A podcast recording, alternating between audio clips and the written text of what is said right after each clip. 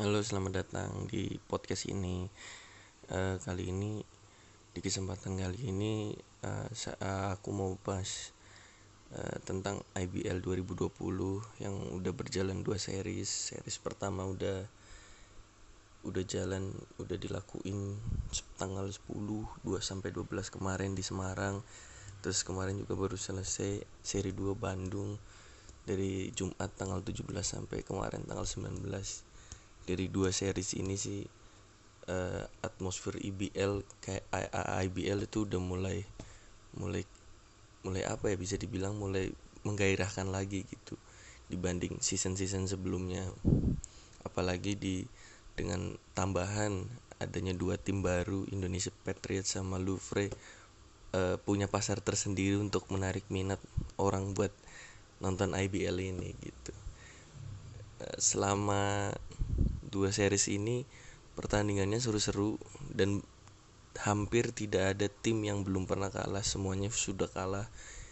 Eh, bahkan timnas Indonesia Indonesia Patriot pun harus kalah di seri pertama di Semarang. Eh, menghadap Pelita Jaya itu sih cukup kejut cukup mengagetkan sih. Dan terus ini kita bahas satu-satu eh, game-game kemarin yang udah yang udah dijalanin di seri Bandung. Pertama sebenarnya yang bikin menggairahkan lagi adalah semua tim ini bener-bener kompetitif gitu. Uh, tambahan tiga pemain asing uh, terus juga ad, ada datang beberapa pelatih dari pelatih pelatih asing. Uh, itu buat warna tersendiri buat level kompetitif uh, kompetitifnya semakin tinggi gitu jadi sini bagus banget sih buat basket Indonesia apalagi eh, pemain-pemain lokal beberapa pemain lokal eh, nggak uh, kalah pamor dengan nggak kalah pamor dengan pemain-pemain asing. Uh, misal dari Prawira Reza Guntara bagus kita tahu dia punya postur yang tinggi punya size yang bagus syutingnya juga bagus. Di Pelita Jaya yang impress ada Regi William ada Govinda selain nama-nama veteran yang udah bagus musim ini beberapa pemain muda juga banyak yang mengejutkan di di Satya Wacana. Ada Hengki Lakai bener-bener mainnya improve banget. Uh, di Pacific Caesar Yeriko Indra Aga itu juga bagus banget. Uh, pertama kita bahas dari game uh, gamenya Indonesia eh kayaknya ya deh Indonesia eh, Satria Muda dulu lawan Louvre. Nah, di sini Satria Muda game pertama di seri Bandung hari Jumat lawan Louvre. Cukup cukup seru skornya nggak begitu jauh sempat kejar-kejaran tapi tetap Satria Muda berhasil ngalahin dengan skor 6-9-6-1 dan beberapa pemainnya cukup bagus apalagi pemain lokalnya. Jadi double ada yang double digit. Juan Lauren double digit 13 poin dan 7 rebound 4 assist. Cukup ba cukup bagus. Terus ada Sandi Ibrahim Sandi Ibrahim ada 10 poin 5 rebound juga bagus tetap tapi um, man of the matchnya tetap ada Gary Jacob Junior 26 poin. Ya kita tahu kalau Gary Jacob sih nggak usah ditanyain lagi veteran IBL scoring player juga. Dia bisa score dia bisa assist dia bisa defend dia bisa re rebound uh, paket lengkap lah kalau Gary Jacob.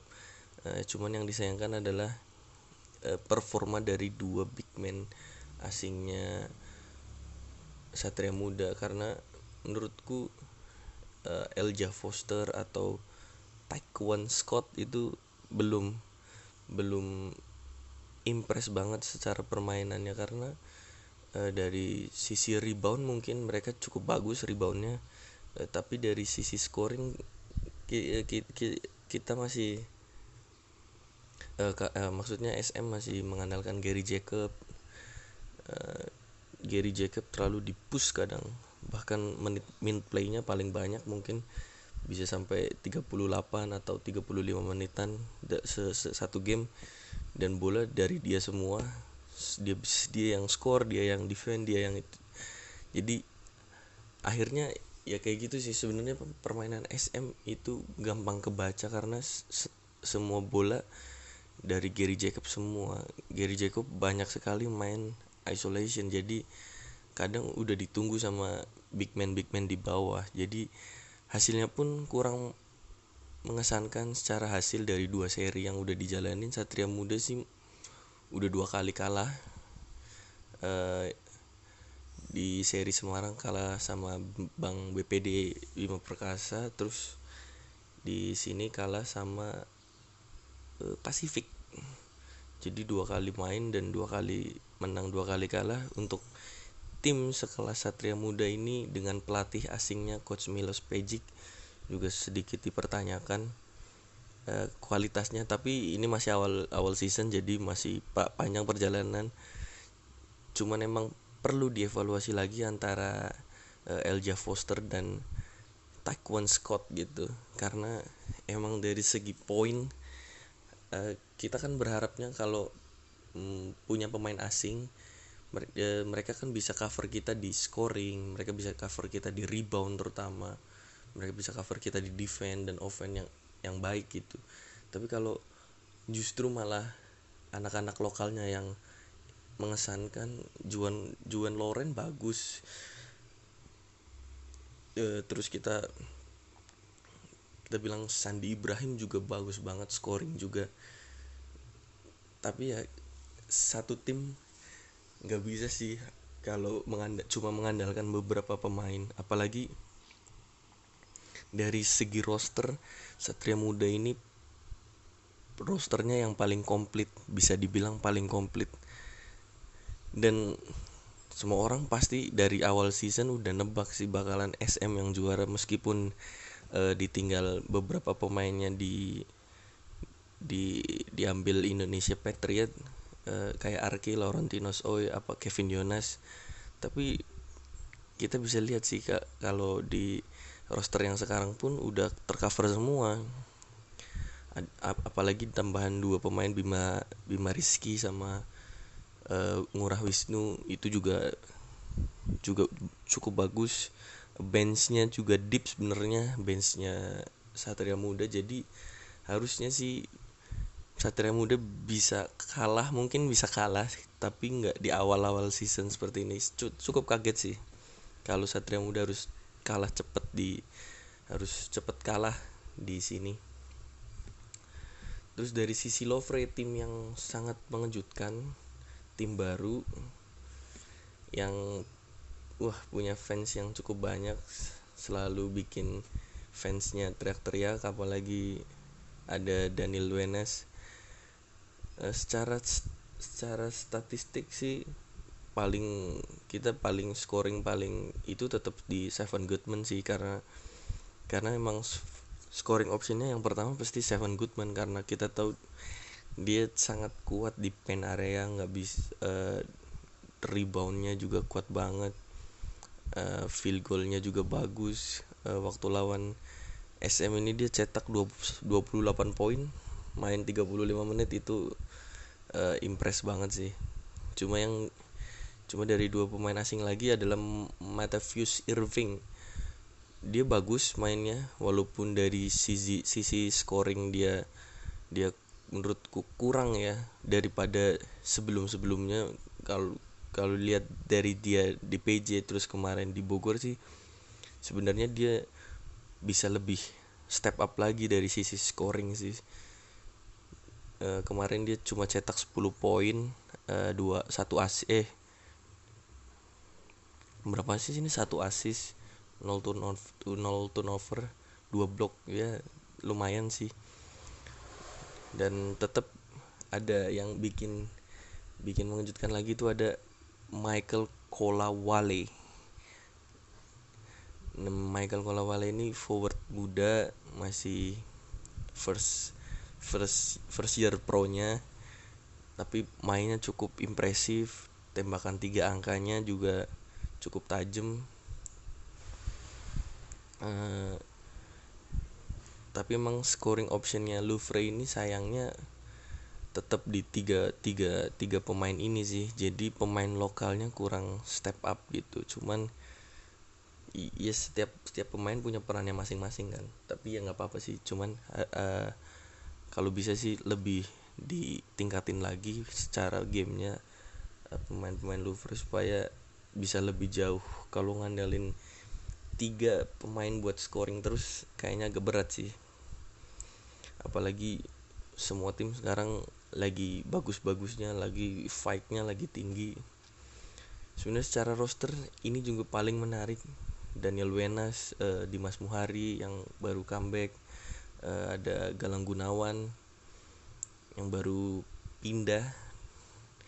Terus ada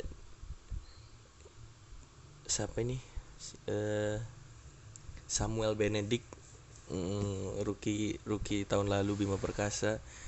Ada Dio Saputra yang nyuri nyuri spot rookie rookie season ini karena dia shooter yang bagus.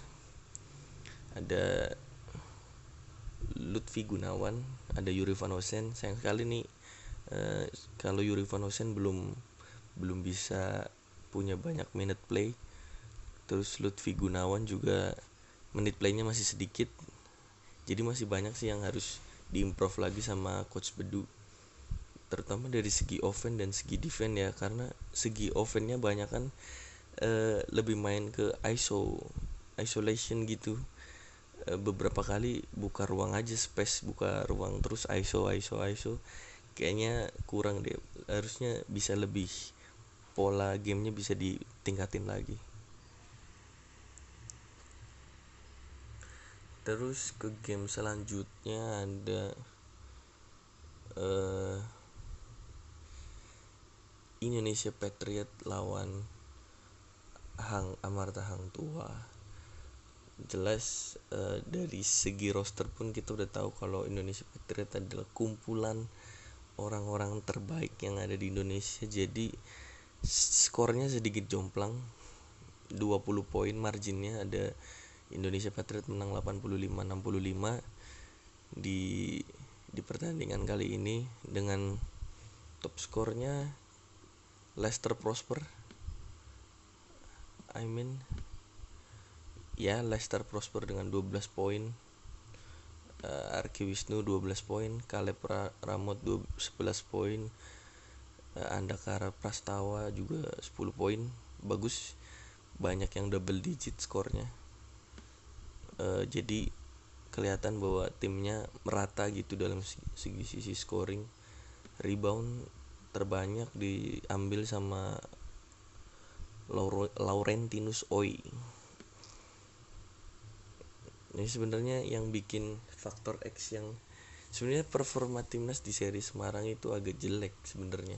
Bisa dibilang agak jelek ya karena game pertama waktu lawan Pasifik sampai 20 turnover terus game kedua juga sistemnya kayaknya nggak jalan. Kayaknya emang sistemnya coach uh, coach Raiko emang sedikit susah buat dicerna sama pemain-pemain kita. Jadi kadang tuh dilihat pemainnya kurang lepas gitu mainnya kurang lepas sebenarnya kalau kalau patternnya coach Raiko sistemnya coach Raiko bisa berjalan baik mungkin Indonesia bakalan dominasi sekali kemarin di seri Semarang tapi nyatanya bisa kalah. Itu sangat sama Pelita Jaya itu cukup mengejutkan. Tapi faktor X nya di seri Bandung ini menurut aku sih ada hadirnya Abraham ya. Abraham Damar Grahita itu benar-benar jadi faktor X gitu dan di scoring berapa sih kemarin? Coba kita cek. Scoringnya Abraham Damar tidak ada. Eh belum belum belum belum.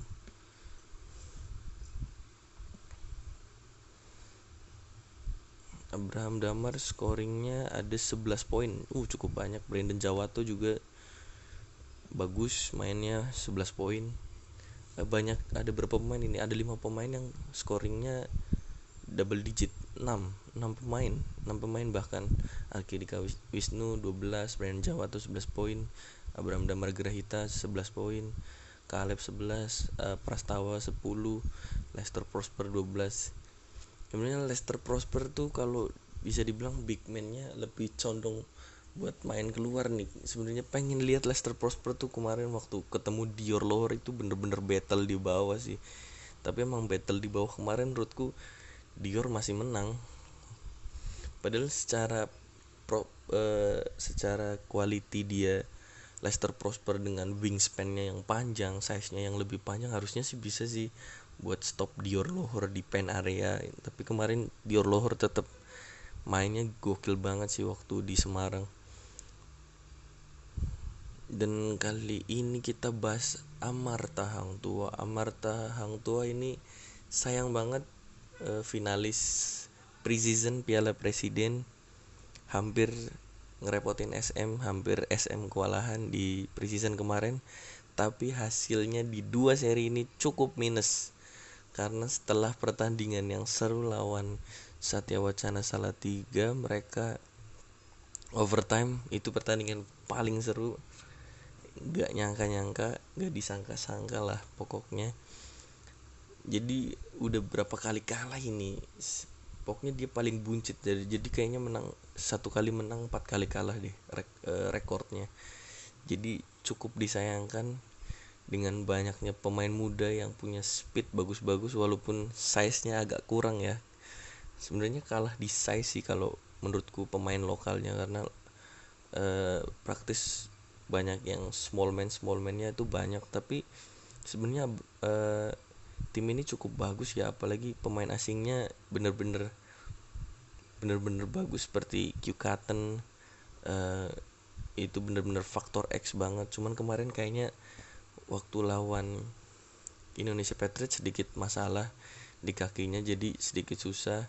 Uh, Darnell Martin Junior juga bagus mainnya. Uh, big man yang duel juga suka duel di bawah. Uh, Charles Jackson Junior Charles Jackson Junior sih lumayan bagus cuman apa ya dari dia main tuh karena dia suka gantiin Q Cotton yang posisinya mirip sama dia jadi Q Cotton itu bagus banget sih dia skillful uh, tembakannya tajam terus highlight highlight terus gitu dan Charles Jackson tuh mainnya lebih santai tapi pasti gitu poin poin poin kayak gitu. Cuman kadang emang Charles Jackson yang aku lihat sih di defense kurang kurang bagus sih di defense ya.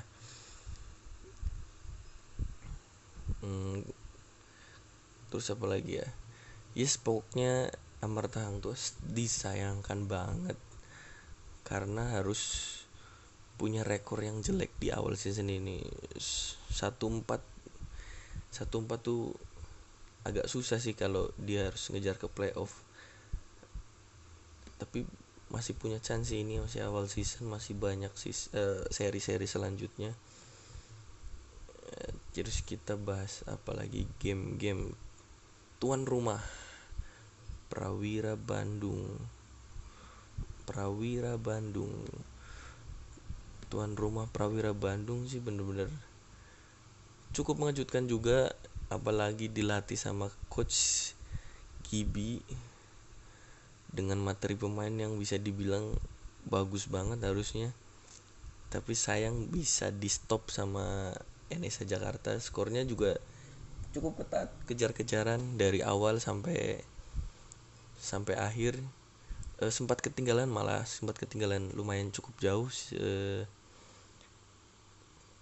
Prawira tapi masih bisa ngejar NSA itu sih cukup bagus sih. Dari margin yang cukup jauh jadi dikejar. Uh, coach Gibi ini sayang banget rekornya per Prawira Bandung cukup jelek karena harus sabar nasib sama kayak Amarta Hang Tua jadi rekornya 1-5 jadi kemarin hanya menang lawan Prawira dan eh 1-4 1-4 kok 1-5 1-4 jadi terakhir menang lawan Amarta Hang Tua habis itu mereka kalah lawan Louvre mereka kalah lawan Enesa mereka kalah lawan Satya Wacana juga mereka kalah sama timnas kemarin di hari terakhir. Sayang banget sih. Sebenarnya secara materi pemain sih Prawira Bandung harusnya bagus ya. Ada Raymond ada Difta ada Hans Abraham ada Arif Hidayat ada Firman Nugroho.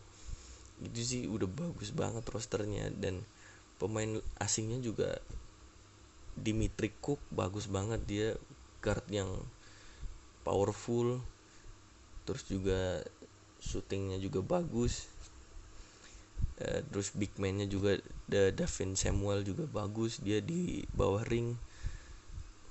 Uh, William Tinsley sih yang agak-agak tricky gitu karena dia kurang greget sih mainnya karena dari segi scoring juga per game juga nggak banyak menit playnya juga nggak banyak banyak amat.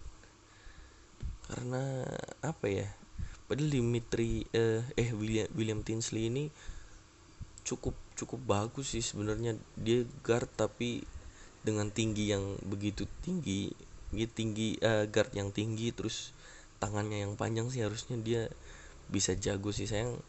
Emang mungkin belum ketemu peak performanya.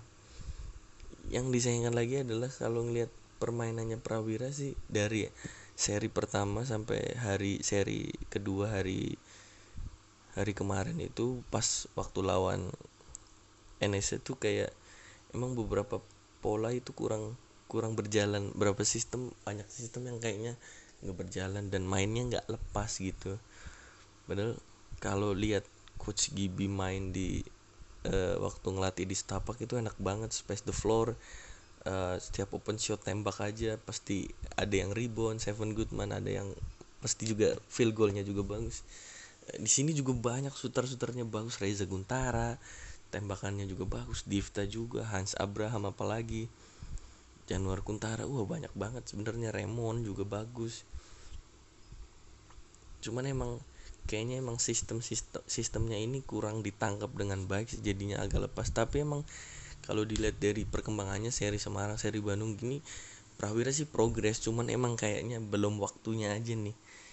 Belum waktunya ketemu sis uh, ketemu waktu yang tepat buat mereka menang. Sebenarnya tinggal ini tinggal masalah waktu aja semakin mereka banyak bermain semakin mereka sering evaluasi juga pasti bakalan improve sih. Apalagi kita tahu coach kualitas uh, pemain prawira kualitasnya coach Kibi apalagi yang ngejutin season kemarin.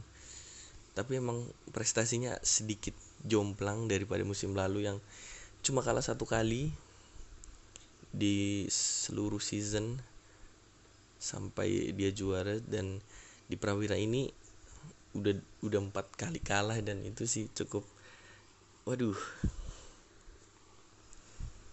Ah, kurang kurang bagus sih sayang sayang banget sangat disayangkan. Cuman balik lagi ini intinya masih awal season apa pun masih bisa terjadi ke depan seri juga masih banyak masih ada sampai seri ke 8 jadi apa yang bisa terjadi? Terus kita kita bahas Pelita Jaya versus Pacific Cesar dan ini upset lagi cukup aduh ngejutin banget sih ini. Uh, Pacific Cesar emang bisa dibilang tim yang improve ya secara permainan terus secara permainan tim juga improve terus uh, pemainnya juga banyak pemain lokal yang improve step up semua. Yeriko Indra Ramdan Yuwana itu juga bagus-bagus. Tapi sebenarnya di dari ini rekornya mereka sih udah empat empat dua eh empat satu kayaknya. Iya deh kayaknya empat satu. Mereka kalah sama Indonesia Patriot. Mereka di peringkat dua. Sekarang kalau kita lihat sih mereka di peringkat dua tiga kali menang tiga oh tiga kali menang satu kali kalah. Ini rekor yang bagus di awal di awal season buat Pacific Caesar sempat ada pergantian pemain asing yaitu Decory Jones diganti sama uh, Anthony Wa Anton Waters. Anton Water. Tapi gitu sih kalau aku lihat sih secara player uh, selain lokalnya bagus juga pemain asingnya juga bagus-bagus sih Luis Jacobo. Itu shooter yang cukup bagi, bagus. Taylor Statham juga bagus. Ditambah Anton Waiters tuh kayak kepingan puzzle yang belum terlengkapin aja. Anton Waiters kita tahu kualitasnya di bawah ring juga bagus makanya itu yang hilang dari seri pertama di Pasifik adalah kurangnya ku, kurang kuatnya rebound mereka di pen area karena Luis Jacobo dan De uh, Jones agak susah ya kalau ketemu big man big man yang lebih besar yang lebih tinggi. Makanya makanya cukup cukup bagus sih. Apalagi dengan pelatih barunya David Singleton mantan uh, pelatih dari Saigon Heat juga ini bener-bener bikin improve secara permainan. Adjustmentnya juga bagus di setiap pertandingan. Uh, bisa dibilang Pacific ini sekarang lagi naik down dan bisa dibilang giant killer. Karena dua tim besar Pelita Jaya sudah tumbang Satria Muda Pertamina juga tumbang secara mengejutkan jadi ini emang emang bener-bener giant killer uh, unpredictable. Terus dari dari sisi Pelita Jaya Bakri Pelita Jaya Bakri sempat sweep seri 1 Semarang tidak pernah kalah tapi dikejutkan karena harus kalah juga di di sama Pasifik. Sebenarnya Pelita Jaya dari awal pertandingan tuh udah leading jauh banget. Tapi emang di quarter-quarter berikutnya agak menurun ya. E, masih ngandelin Ragil e, Dior Lohor terutama masih diandel eh, sangat sangat kontribusi sekali dari segi poin segi rebound. Masih paling paling kuat. Terus ada Re, uh, Ragil Regimono Nimbar juga sering kali Regimono Nimbar ini kemarin lawan Pasifik nggak poin. Jadi 23 main cuma dia bikin rebound tiga kali 4 assist 2 turnover. Jadi sih emang sayang banget sih kalau Regi nggak poin. Uh, Steven Battle 10 poin. Hmm, 7 rebound 2 assist bagus. Hampir double double Kevin Bridgewater cuma 3 poin. Ini emang emang permasalahannya Pelita Jaya adalah scoring optionnya cuma ini sih di Dior Lohor. Jadi kemarin field goal persennya mereka pun juga jauh banget jelek banget. Apalagi 3 point field goal 3 poinnya itu sih jelek banget. Bisa dibilang Iya field goalnya cuma 32% berbanding 50% dari Pacific Caesar terus 3 poinnya cuma 25% 10 dari 40 gila itu sih jauh banget.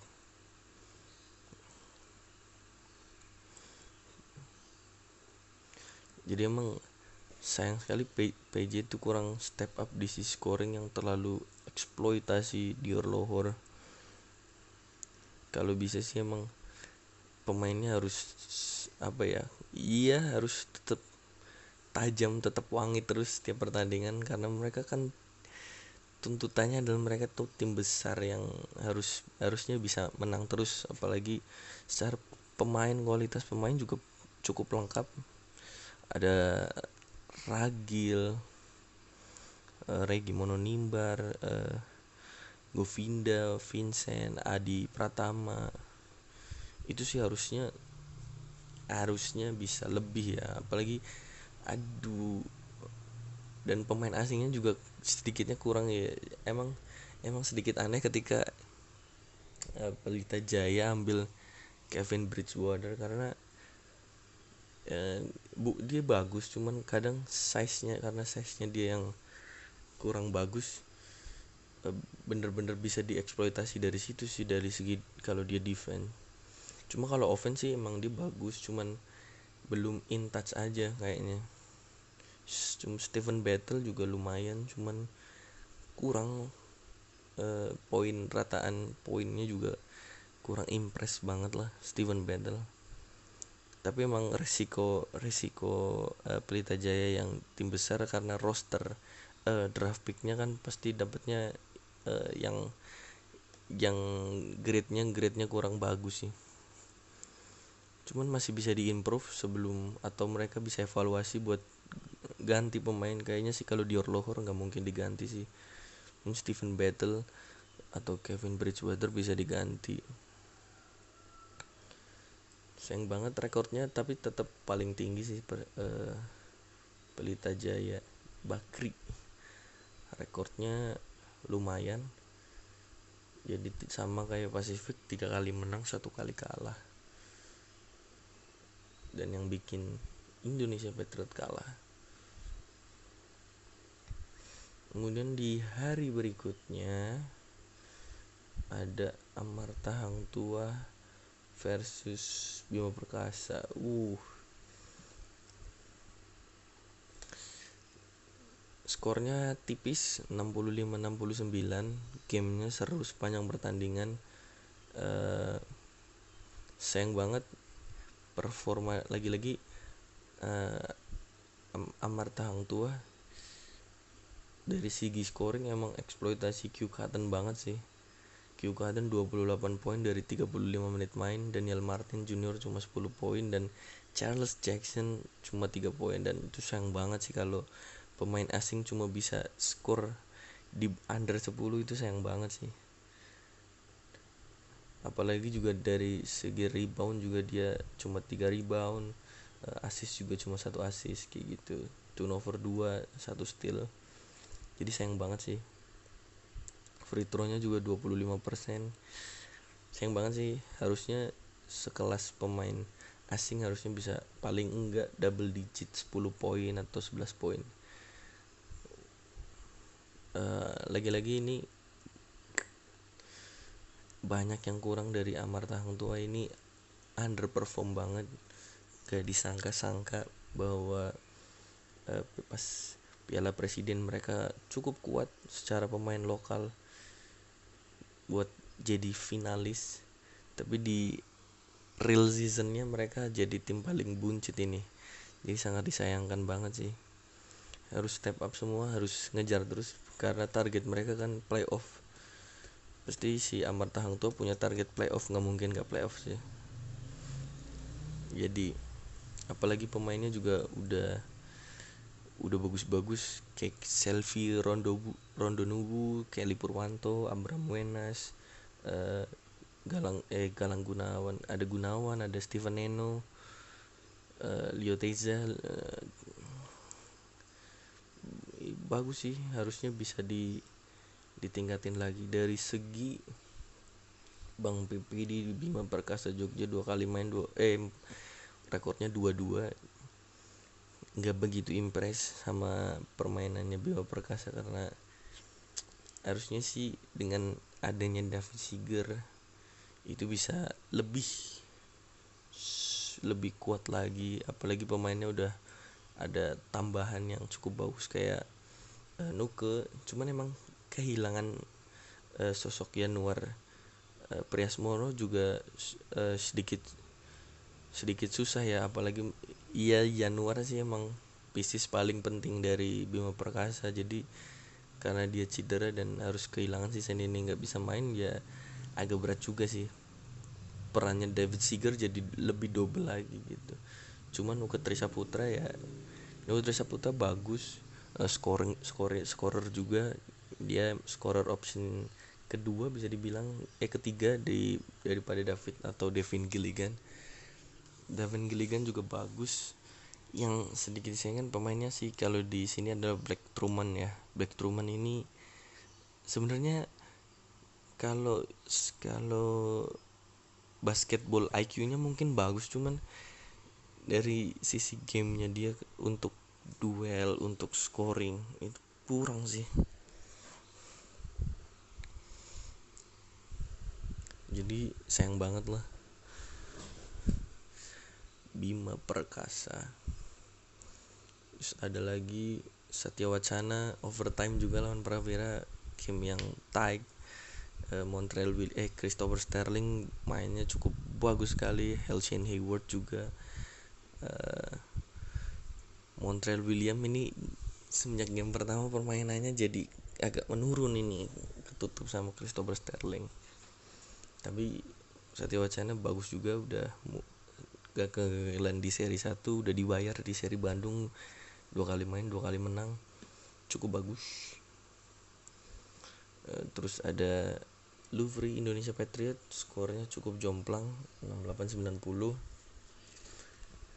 terus game game kemarin yang paling seru adalah dari minggu adalah Prawira Indonesia Patriot itu cukup seru. Di halftime mereka ketinggalan cukup lumayan jauh tapi di second half mereka coba pepet terus sampai akhirnya overtime. Itu sih shot, uh, itu sih keren banget sih.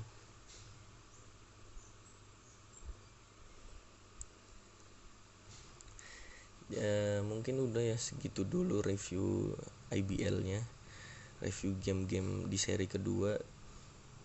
Um, jadi intinya tetap support terus basket Indonesia uh, tetap dukung terus timnasnya uh, demi kebaikan bersama terus kita terus dukung IBL biar IBL terus berkembang biar uh, serinya bisa sampai luar Jawa. Semoga juga banyak sponsor yang datang jadi sayang sekali sih kalau di uh, Indonesia Basketball League tapi cuma main di Jawa itu kan rasanya kurang adil gitu kan ya semoga aja punya kesempatan buat mampir ke Sumatera ada seri Sumatera ada seri Kalimantan atau seri Sulawesi bahkan. Itu sih keren bakalan gokil banget sih. Oke sekian dulu dari aku dan terima kasih udah dengerin. Uh, hope you enjoy. Bye bye